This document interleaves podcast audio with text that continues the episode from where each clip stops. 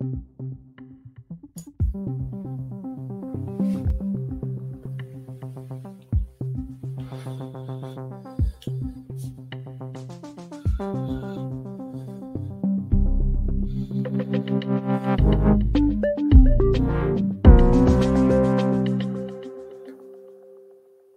er fredag den 12. marts 2021. Velkommen til endnu et interview her på Den Uafhængige. Mit navn er Esan Fejsat, jeg er journalist, og din vært hen over den næste halve time. I dag skal vi diskutere om landets jobcentre. Dem, der er sat i verden for at sende syge og udsatte borgere tilbage på arbejdsmarkedet, hjælpe dem om de rent faktisk er med til at gøre dem endnu sygere, sende dem på kontanthjælp, førtidspension eller på selvmordets rand. Det mener mig, Thorsen. Du er med over en videoforbindelse. Velkommen til dig. Tak skal du have. Privatpraktiserende socialrådgiver. Du har været privatpraktiserende socialrådgiver i 3,5 år og har arbejdet med omkring 150 sager. Vil du til at starte med at forklare, hvad det vil sige at være privatpraktiserende socialrådgiver? Ja, det vil jeg rigtig gerne. Jamen altså grundlæggende så handler det her om, at det er borgeren, der hyrer mig til at bistå dem i deres sager, øh, primært i jobcenter. Der, det kunne også have været andre forvaltninger, men øh, jeg varetager primært jobcentersager. Og det er typisk, når sagen på en eller anden måde er gået i hårdknude i jobcenteret, borgeren måske ikke synes, at vedkommende får den rigtige behandling, øh, eller en savlig sagsbehandling, eller har fået en, en afgørelse, som vedkommende vil klage over, så, øh, ja, så er det typisk der, jeg kommer ind i billedet, og øh, bistår på den måde øh, mine klienter øh, med deres sag i jobcentret. Så jeg er ikke hyret af jobcentret. Jeg er hyret, og jeg er betalt af borgeren selv. Men du har også en baggrund i øh, jobcentret, i de danske jobcentre. Du har været en del af det, du har arbejdet der, du ved, ja. hvad det vil sige at arbejde i dit jobcenter. Men som jeg også sagde tidligere, du har haft 150 øh, sager som privatpraktiserende socialrådgiver. Hvor mange af de sager er endt med, at kommunen har lavet noget ulovligt? Åh, oh, det er mange. ja, det, det er altså rigtig mange. Og det kan jo alt, være alt lige fra ganske små øh, lovbrud til de større, hvor at der er rigeligt at skulle bistå øh, borgeren med. Men der er næsten altid øh, ulovligheder i sagerne. Og nu skal bare huske, de kan, som jeg siger, også være ganske små, hvor det ikke har den store betydning for sagen. Jeg har også dem, hvor at der er sket øh, ting og sager i sagsbehandlingen, som, hvor man bare må sige, at her havde det været rart, hvis man også kunne sanktionere kommunerne, når de laver nogle ulovligheder. For det kan godt være groft, det der sker. Jeg bevægede mig måske lidt for hurtigt frem, så lad os lige tage, tage et skridt tilbage igen. Vil du prøve ja. at forklare, altså for mig lyder det måske som en, som en vild påstand, altså jobcentrene, der er sat i verden for at hjælpe syge og udsatte bort tilbage på arbejdsmarkedet, de er rent faktisk med til at gøre dem endnu sygere, som jeg ja. sagde tidligere, førtidspension, kontanthjælp, eller måske på selvmordets rand. Hvordan er jobcentrene med til det? Jamen det her det handler jo om, at øh, man skal øh, grundlæggende skal man jo forsøge at hjælpe borgeren ud på arbejdsmarkedet, og det er en prisværdig tanke. Det har jeg jo også, de fleste af mine klienter vil jo kan være på arbejdsmarkedet, bortset fra dem, hvor det bare er fuldstændig åbenlyst, at de ikke, de ikke kan. Øhm, så, så det her det handler om, at der skal, ja nu siger jeg det jo helt lidt firkant, der skal presses noget arbejdsevne ud af borgeren, fordi borgeren skal jo ud på det her arbejdsmarked, som hele samfundet jo taler om, at det er jo nærmest kun der, man er noget værd, det er, hvis man kan varetage et arbejde. Det er også derfor, at der er ingen af os, der har lyst til at sige til et middagsselskab, at man er arbejdsløs. Øh, for der ligger der et eller andet kedeligt klang ved. Øh, og derfor så tager jobcenterne mange midler i brug for at hjælpe borgeren ud på arbejdsmarkedet, og det går jo også godt i mange tilfælde. Jeg har jo kun alle de sager, hvor det går galt, eller er tæt på at gå galt. Der er også mange gode jobcenterforløb, det vil jeg så skynde mig at sige her. Øhm, men, men problemet er, at man er alt for fokuseret på, at borgeren skal ud på arbejdsmarkedet, hvor der måske bare ikke er nogen ressourcer tilbage til at varetage et øh, job. Og, og det er jo der, hvor det så går galt, fordi så er det jo, borgeren prøver at sætte bremsen i og sige, at jeg kan jo ikke, mit helbred kan ikke holde til det. øh, videre, men hvor jobcentret efter min opfattelse ikke lytter godt nok øh, til borgeren. Nogle gange kan man faktisk have opfattelsen af, at jobcentret ikke tror på, at borgeren kan have så ondt, som borgeren siger. Okay. Hvad bygger du det på, mig, altså at de ikke lytter til borgeren eller ikke tror på dem? Hvad bygger du de to påstande på? jamen hvorfor presser man ellers borgeren hele tiden til at yde mere og mere og mere, selvom borgeren ikke kan? Øh, og, og det er jo her, hvor at øh, vi så har lærerne, de praktiserende læger, som jo faktisk øh, ofte er gode til at skrive i attester til jobcentret, at, øh, at borgerens helbred bliver forværret ved yderligere deltagelse i for eksempel praktik, eller det er vigtigt, at man lytter til borgerens øh, skånehensyn osv. Og der har man bare nogle gange opfattelsen af, at, at jobcentret de nærmest så at sige øh, lukker øjnene for lægernes udtalelser, eller øh, for borgerens øh, egne udtalelser om, hvad borgeren kan præstere. Øhm, og, og det er jo helt forfærdeligt, når man som borger står og siger, stop, stop, stop, jeg kan ikke mere. Nu kan jeg ikke besøge mit barnebarn mere, fordi jeg har for ondt. Jeg kan ikke gå til familiefødselsdag længere, fordi jeg har ikke kræfterne til det. Øh, at jobcentret så ikke lytter til det. Og det gør de også i nogle tilfælde, men jo bare ofte ikke i mine sager. Det, det er jo derfor, jeg bliver hyret ind til at prøve at hjælpe borgeren her. Men kunne man ikke også sige mig, at du jo har at gøre med de sager, hvor tingene rent faktisk er gået galt? Altså, men du siger jo, i jobcentre i al almindelighed gør danskerne syre, de lytter ikke, de tror mm. ikke rigtigt på dem. Mm. Og det er jo en meget, det er jo en, det er jo en generalisering af jobcentrene. Bygger du det på andet end de 150 sager, som du har arbejdet med? Ja, det gør jeg, fordi jeg jo også følger med i de her grupper, der er ude på Facebook. Øh, for eksempel Jobcenters Ofre, øh, som jo har en kæmpe stor medlemskar. Og det er jo den her gruppe, der opstod på baggrund af og andre smågrupper derude, som pipede op om det her, hvad der skete ude i jobcenterne. Og der kan jeg jo også se det. Det er jo ikke kun mine klienter, der oplever det. Det er jo altså også mange andre borgere, og det er også borgere, der skriver til mig privat og fortæller om deres egne oplevelser, øh, og som jo endelig er glad for, at der er nogen, der prøver at især også at gøre jer og medier opmærksom på, hvad er det, der sker, og også prøve at gøre politikerne opmærksom på det. Så det her, det sker virkelig ikke kun i mine egne sager, det sker rigtig meget og alt for ofte. Kan du henvise til en undersøgelse eller en ekspert, som bakker dig op i den påstand? Ja, øh, det kan jeg i hvert fald. Øh, der er jo Psykiatrifonden og, og SIND, de gik jo sammen om en undersøgelse af jobcentrene. Ikke mere end et par, og jeg tror faktisk ikke, den er mere end et år gammel, som jo påvist, at, jamen jeg, jeg kan faktisk ikke huske tallet, men det er jo et voldsomt højt procenttal, der øh, oplever, at deres helbred bliver øh, forværret i, øh, i jobcenterne.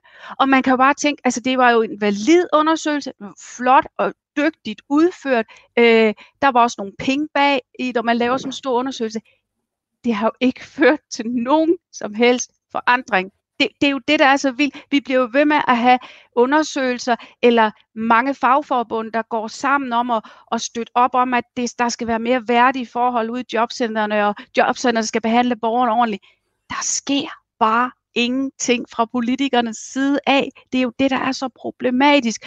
Og der kan vi andre jo, vi kan jo stå og pip op herude øh, på Facebook, og jeg kan gøre det her sammen med dig. Men kommer det til at ændre et komma i nogen lovgivning? Det er jo det, vi gerne vil, alle os, der kæmper for det her område her. Men det er svært. Prøv lige at se med her, Maj. Ja. Danmark er, verdens, øh, er EU-mester i at bringe ledige i arbejde. Nu skal jeg lige gøre min skærm lidt større for at kunne læse, hvad der står.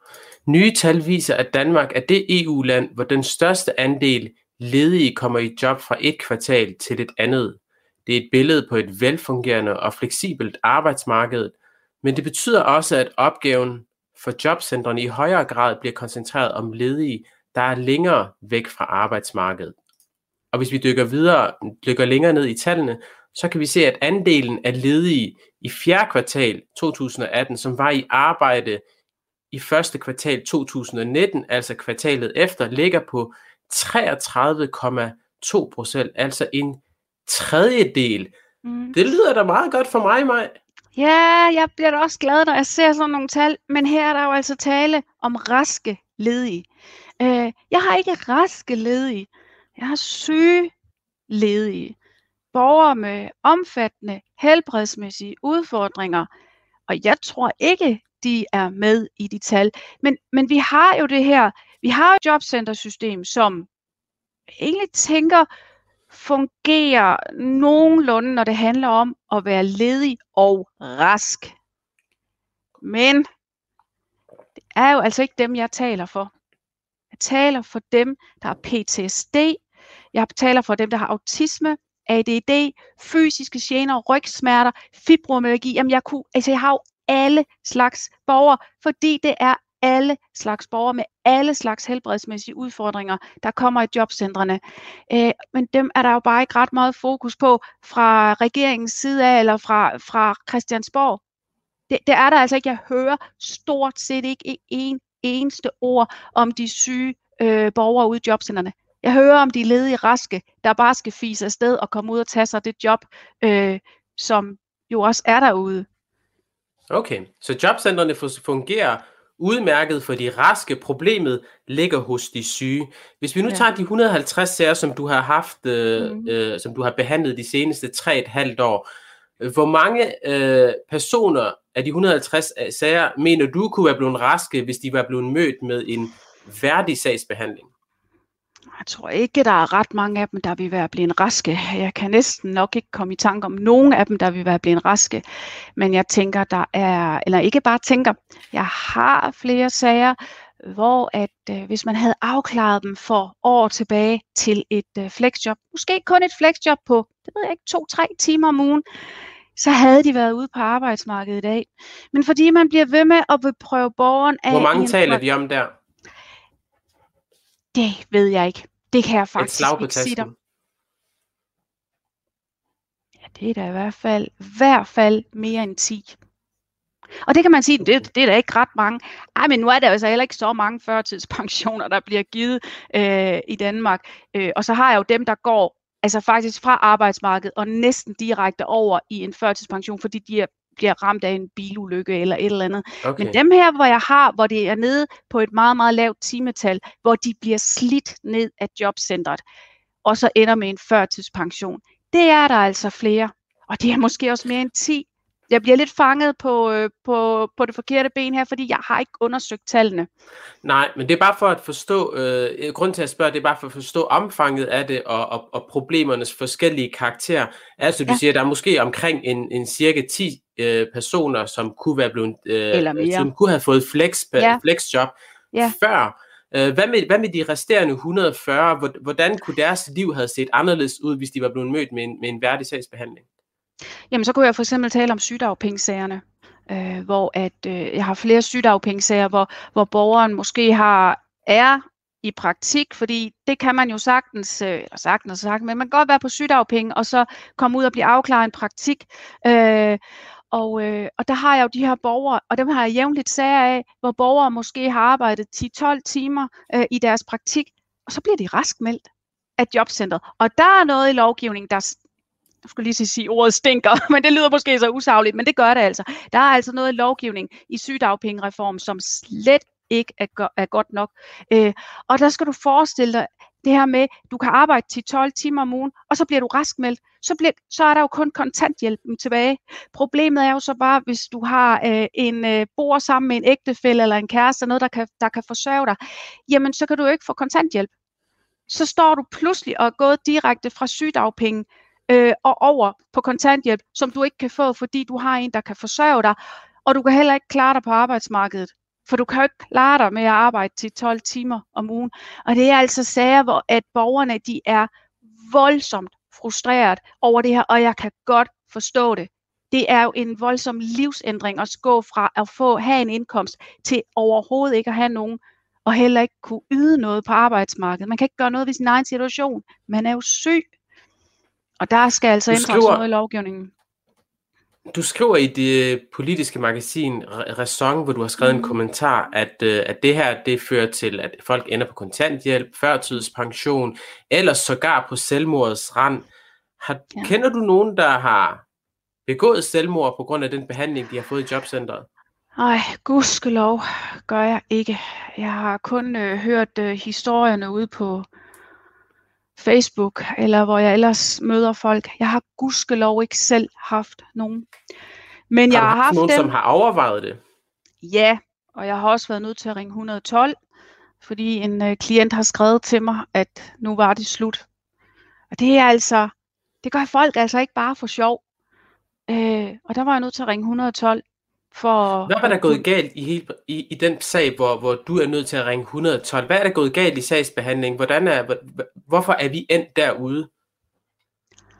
Altså det her var en sag, hvor et borgeren har været syg hele sit voksne liv.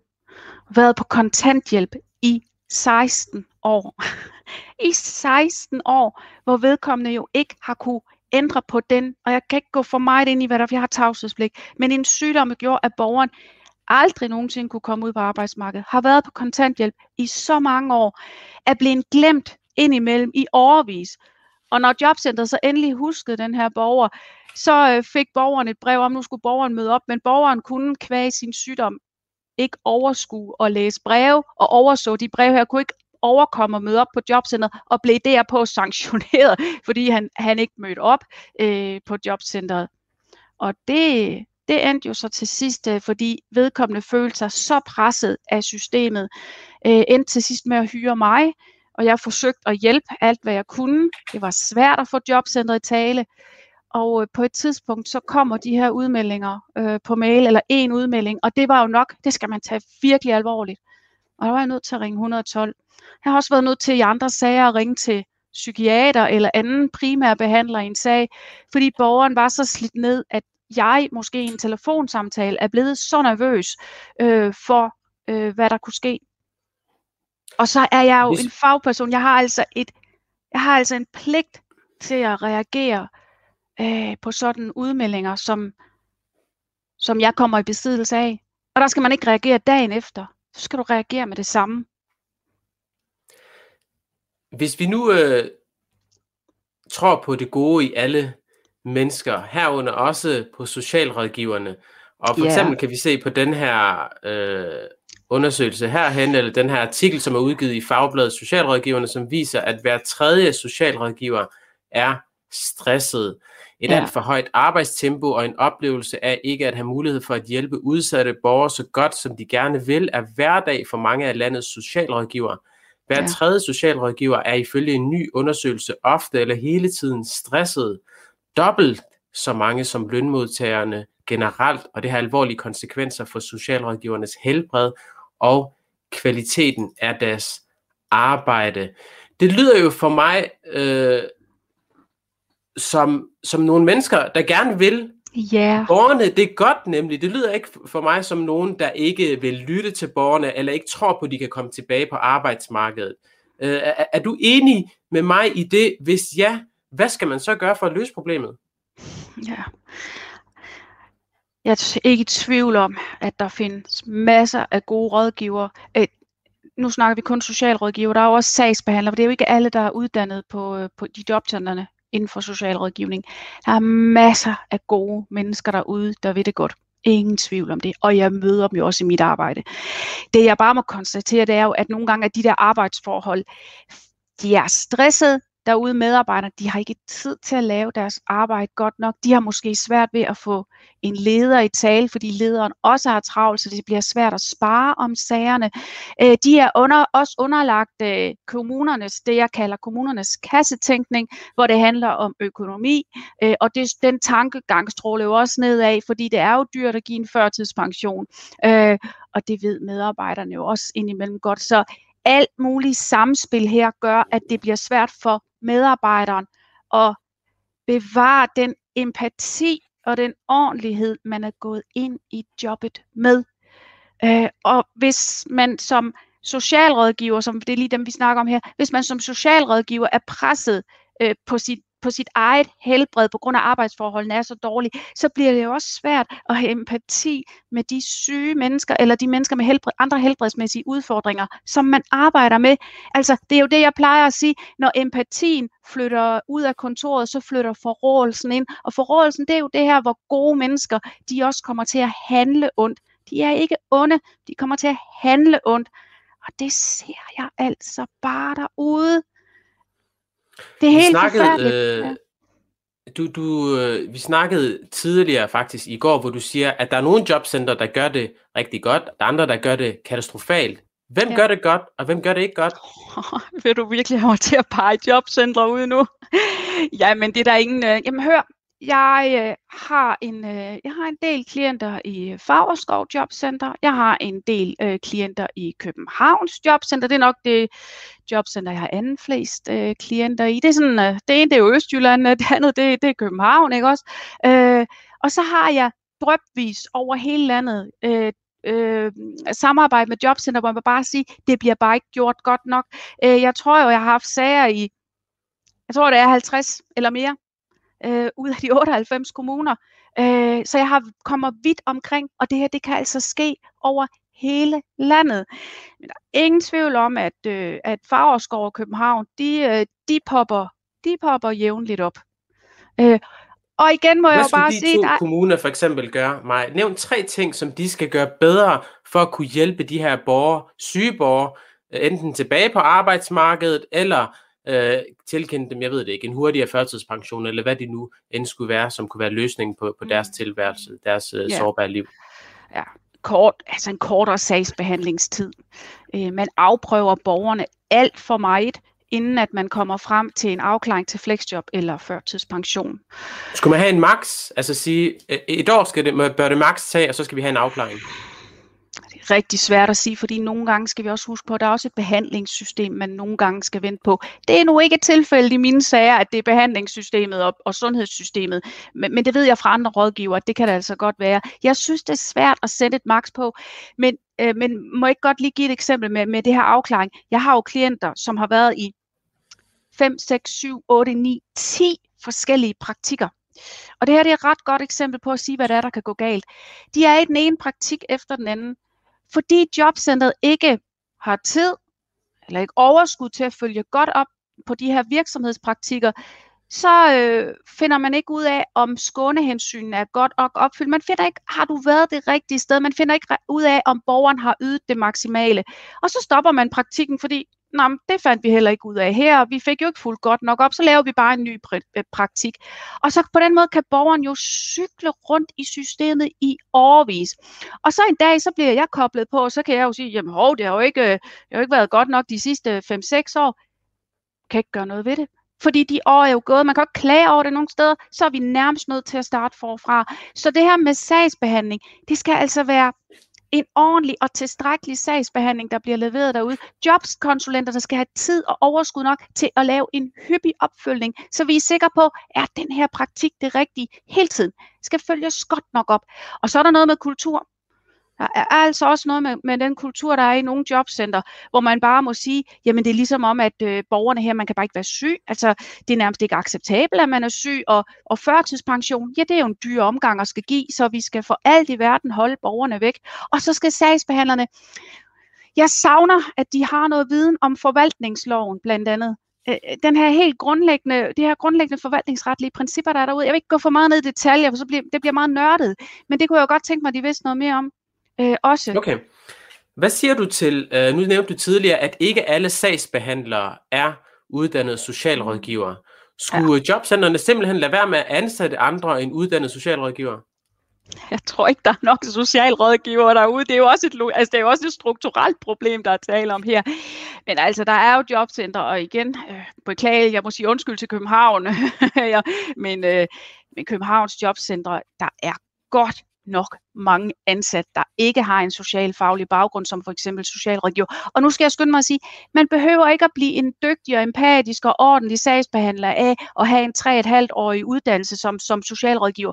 Men man altså, der er jo en grund til, at uddannelsen varer 3,5 år. Du får altså noget læring med, og der bliver jeg bare nødt til at sige, det kan man altså, den læring, den, den er altså god at have med sig øh, om sociale forhold osv. Øh, og, og der er altså en, der er en del sagsbehandlere, i hvert fald især i Københavns Jobcenter, som har helt andre baggrund, hvor man nogle gange godt kan tænke, der er ikke meget socialfaglig viden, øh, du sidder med der, kammerat. Okay. Men det er altså hvad også siger du til et, øh, hvad siger du til at, at socialrådgiverne på uddannelserne skal afgive et øh, etisk løfte? Det er ligesom lærerne skal for eksempel om mm-hmm. at øh, altså simpelthen udfører deres job ordentligt, på trods af, altså, hvad lovgivningen siger, eller hvad, hvad, hvad økonomien siger, ja. så skal de altså kunne sætte foden ned, hvis det er, ja. at øh, det går for vidt i enkelte sager. Ja, det kunne jeg rigtig godt tænke mig. Spørgsmålet er, om det er realistisk, øh, fordi man skal saft sus med være stærk som rådgiver for at, jeg vil tror du satte foden i jorden, eller hvordan det var, du sagde, man skal være stærk derude for at stå fast på sin faglighed, for du er hele tiden omgivet af et pres fra ledelsen. Altså de der ledere, de er jo ikke ansat til at lave socialfagligt, jo, nu skal jeg over alle over en kamp, de er ansat til at passe på budgetterne, og der skal du altså være stærk som rådgiver. Men det kunne, jeg har jo selv tidligere talt for en form for autorisation til socialrådgiveren, netop for at have noget i ryggen til at sige, jamen jeg har min autorisation. Jeg har afgivet et etisk løfte her om, at jeg vil opføre mig ordentligt, behandle mine klienter empatisk og savligt hele vejen igennem. Og jeg kunne godt tænke mig, at socialrådgiverne fik det rygstød. Det må jeg sige, fordi det skrider for mig derude. Øh, og det er ikke kun mig, der arbejder med det her, det skal vi lige huske. Der findes også andre privatpraktiserende. Vi er altså meget få, men jeg er jo ikke den eneste, der sidder her øh, og kommer med de her udtalelser. Det her det er ikke kun for, ja, jeg kan tale for egen regning, men, men jeg har jo også bakket andre, op af andre kolleger øh, derude. Du nævnte lægerne tidligere øh, om, at, øh, at, at deres vurdering lidt, lidt bliver en parentes i, i borgerens sag. Ja. Hvad siger du til, at, øh, at lærerne fremover skal kunne nedlægge veto over en afgørelse? Så, så simpelthen, altså hvis lægen skriver i en, øh, i en vurdering, at, at vedkommende ikke kan arbejde så så, så mange timer, jamen så kan, kan sagsbehandleren ikke trumfe det. Er det løsningen på det? det har jeg aldrig tænkt over, men det, jeg synes, at du kan se, at jeg sidder og smiler over hele hovedet. Jeg vil elske, hvis lægerne fik mere at sige, øh, end øh, de har i dag. Øh, fordi det er... Også at kunne nedlægge en veto, for eksempel? Jeg ved simpelthen ikke, om det er realistisk, øh, men kunne vi starte med, at lægerne blev taget mere seriøst. Øh, fordi det ved jeg fra flere praktiserende læger og andre faggrupper derude, de føler altså ikke, at de bliver taget seriøst, øh, når de henvender sig på kommunen øh, med attester osv., som de i øvrigt er blevet spurgt om af jobcentret. Øh, så jeg kunne jo godt tænke mig, at man tog øh, det, altså i forhold til helbredet, at man tog fagpersoner øh, mere øh, alvorligt. Nedlæg veto, jeg ved ikke, om den kunne gå, men det kunne da være interessant at se det blive prøvet af. Jeg synes, du slap lidt for let, da, da vi snakkede om, om sagsbehandlingstiden. Du sagde hurtigere. Ja. Det er jeg sikker på, ja. at hvis vi spørger alle jobcentrene og enhver politiker i, i Folketinget eller i kommunen, der vil de sige hurtigere sagsbehandling. Men, men hvis vi ikke snakker om et år, hvad snakker vi så om? Kan du, kan du nævne et, et, et tidsrum, hvor sags, altså behandlingen af en sag skal være afsluttet? Hmm. Jamen altså, kunne vi få lagt en øh, af tre år? Hen over alle slags sager. Max tre år. I stedet for, som jeg var ude med i den offentlige debat her den anden dag, Hanne, der har været 24 år i jobcenteret. 24 år, det er altså næsten et kvart liv, inden at hun fik uh, sin førtidspension her for et par uger siden. Fuldstændig nedbrudt af systemkrav og pres det er altså ikke i orden. Det er simpelthen ikke i orden, at man behandler mennesker på den måde. Øh, så var den person, jeg nævnte lige før, med 16 år. Altså, mine sager, det er jo... Jeg har en sag, førtidspensionssag, der blev løst på fire år. Jeg har jo ikke været med alle fire år, men altså løst inden for fire år. Ellers så snakker vi om meget, meget ofte op til 10 år. 10 år, Esan, kan du forestille dig, hvad lavede du for 10 år siden? Det er ikke okay.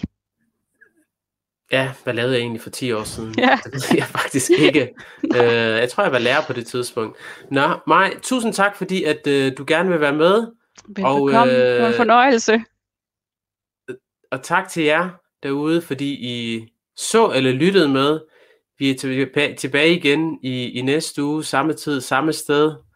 Indtil da husk, hvis alle kan lide dig, så gør det nok ikke den store forskel alligevel.